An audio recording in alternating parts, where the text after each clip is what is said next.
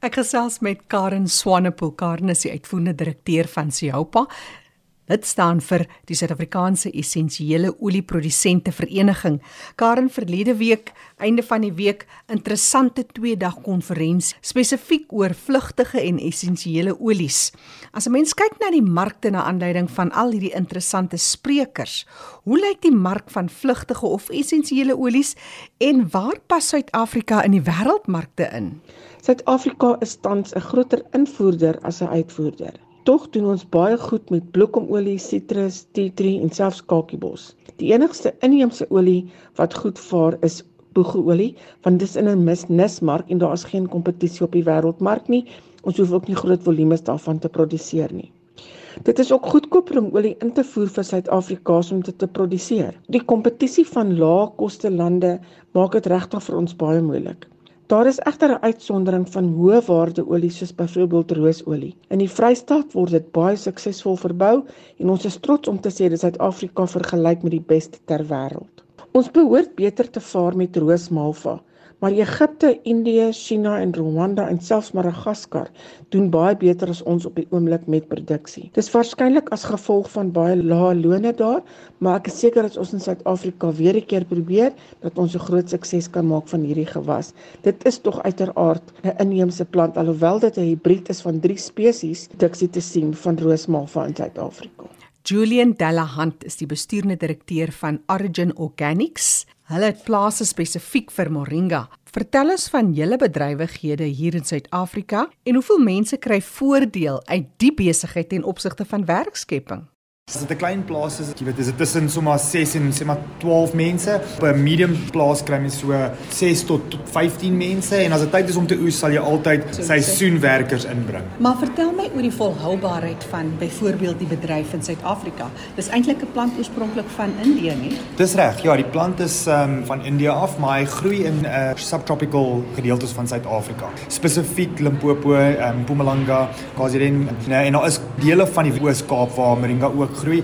Hy's 'n redelike harde plant. Uh, hy het nie baie water nodig nie. Aanvanklik wil jy hom lekker water gee, maar hy groei soos uh, like wildfire soos die Engelsers ja, al sê. Ja. Wat sou jy sê is van die mees interessante wendings in die, in die hele bedryf van vlugtige olies.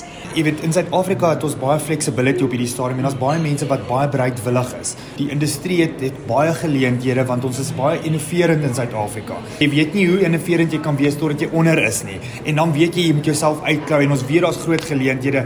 Ons grond is reg, ons klimaat is fantasties in Suid-Afrika en ons cost to production is eintlik redelik laag teenoor ander gedeeltes en areas in die wêreld. Tel my oor essensiële olies. Hoekom die belangstelling? Is dit maar vir jou net te werk? Nee, nee nee, dit is 'n absoluut passie. Um obviously moringa is 'n groot belangstelling, maar die moringa plant het ook die sade wat ons gebruik vir die olies in spesifiek in in die cosmetics en bedryf.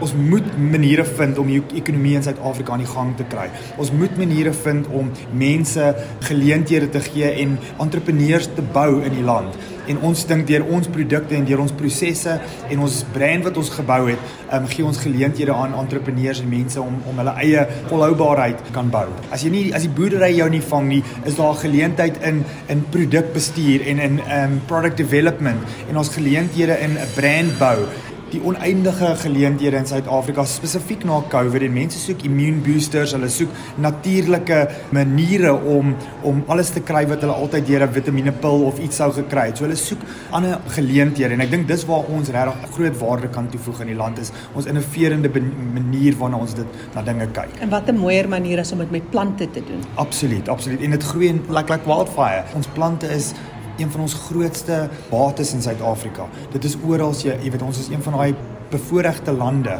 wat meer plante het as baie ander lande in die wêreld en ons moet dit gebruik.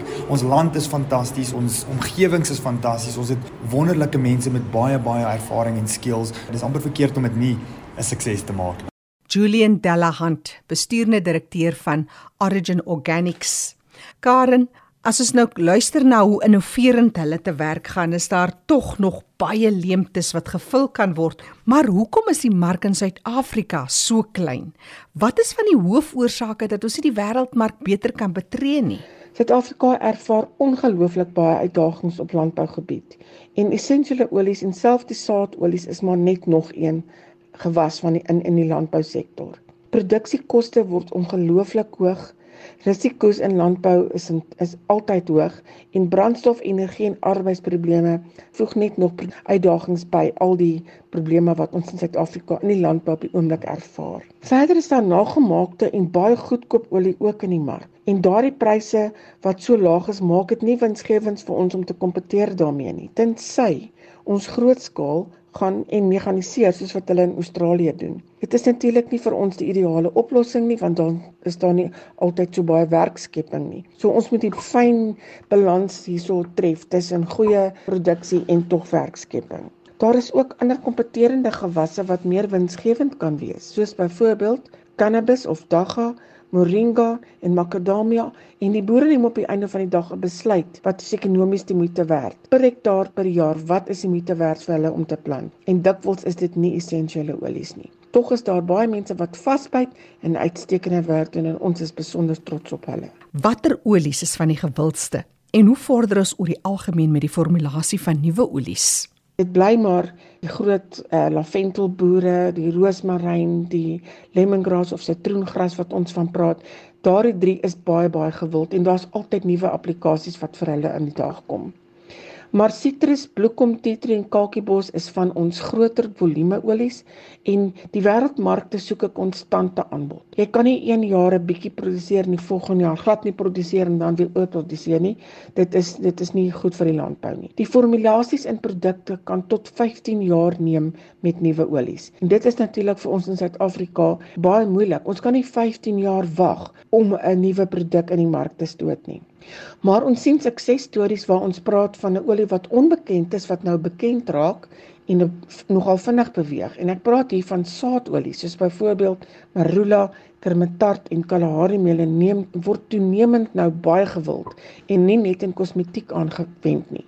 Daar is in in die wêreld 'n groot olietekort en ons kan sien dat dit ook in die voedselbedryf aangewend kan word. So die toekoms lyk regtig rooskleurig vir party van hierdie olies, veral die saadolies. Karen Swanepoel, uitvoerende direkteur van Sioupa, die Suid-Afrikaanse essensiële olieprodusente vereniging wat gesels het na aanleiding van 'n tweedaagse konferensie en die interessanthede van essensiële olies, bewusmaking en vestiging van die mark in Suid-Afrika. Ek is Jackie January. Groete tot 'n volgende keer.